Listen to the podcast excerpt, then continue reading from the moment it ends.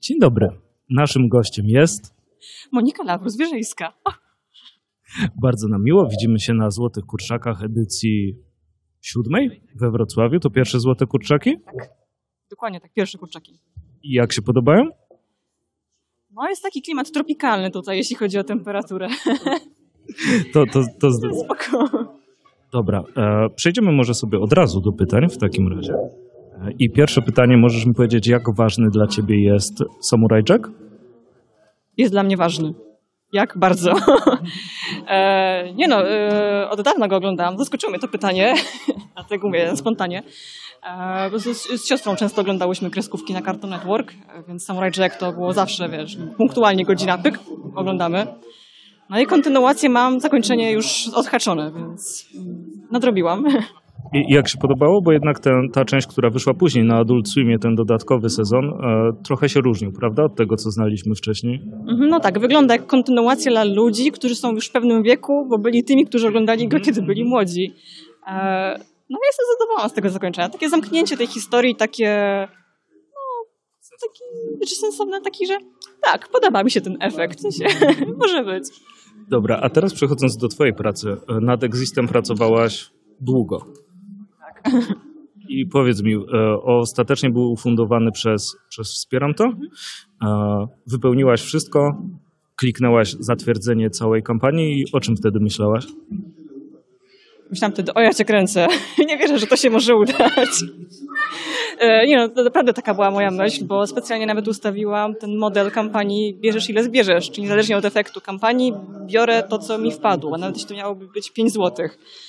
I, i, I jakoś tak, czy ja wierzyłam w ten projekt, bo to nie jest tak, że nie wierzę w swój własny projekt, bo to byłoby trochę dziwne, ale nie spodziewałam się tak niesamowitego odzewu e, i, i, e, w ogóle to, jak, z jakim się spotkało przyjęciem. No, jakby przerosło to moje oczekiwania, więc e, myślę, że do, w tę stronę fajnie się zdziwić. No i zebrałam znacznie więcej niż sobie ustaliłam, a nie wierzyłam, że zbiorę te, to minimum moje, więc to było fajne zaskoczenie. Bardzo często też w wywiadach i na spotkaniu zresztą tobą e, w Łodzi byliśmy na spotkaniu o crowdfundingu, zresztą, które współprowadziłaś. E, Bardzo dużo osób chwaliło, zresztą w tym ja, e, twój kontakt z osobami na Instagramie, że było bardzo dużo wsparcia, bardzo dużo rozmów. I mam pytanie o Instagram, ale niekoniecznie o twój bezpośrednio, mianowicie, jeśli nie przekręcę nazwy, Thai Photo Spectre, to prowadzony przez ciebie... Kiedyś, kiedyś prowadziłam, miałam fazę na takie typograficzne zdjęcia. Na razie po- porzuciłam projekt, bo ja mam takie, że wpadam na 100 pomysłów na sekundę, wszystkie wydają mi się równie atrakcyjne, część z nich realizuję, a potem nagle się okazuje, że doba ciągle ma 24 godziny, a ja ciągle jestem jedna. Więc jest tam porzucony. Ale no, jakby lubię takie fotki, takie nieoczywiste, jakiegoś liternictwa, więc może tutaj stryknę parę, więc zobaczymy. Może ru- ruszę z tym kątem. Dzięki za przypomnienie o tym koncie.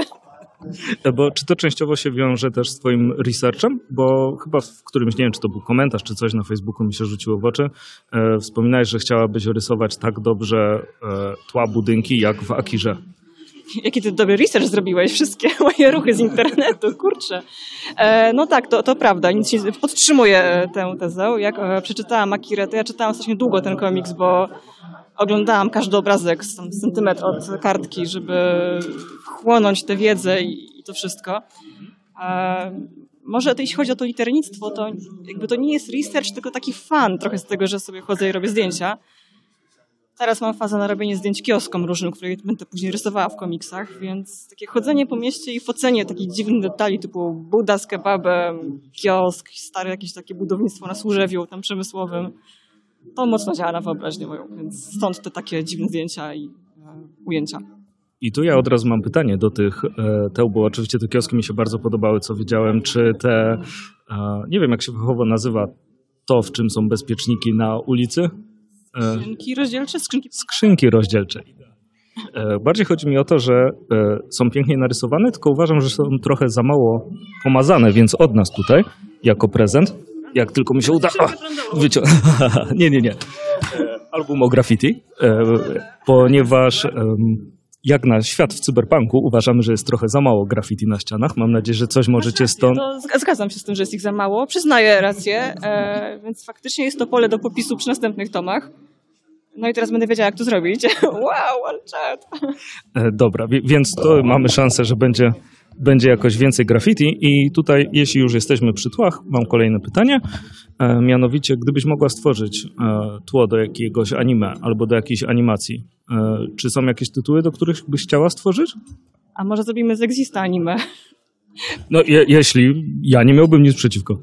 Wiesz co, nie mam takich tytułów wyhaczonych, do których chciałabym tworzyć tła. No na pewno fajnie by było, gdyby tam były poniszczone ściany, pomazane drzwi, jakieś kamyki popękane, wszystko, skrzynki pocztowe powieszone krzywo, no bo przecież no nie mogą być prosto, bo to nudne, mhm. czy wszystkie kable, przewody, żeby to wszystko było tak rzucone luzem. Więc jeśli byłoby takie anime, to ustawiała się w kolejce od razu chyba, żeby to rysować.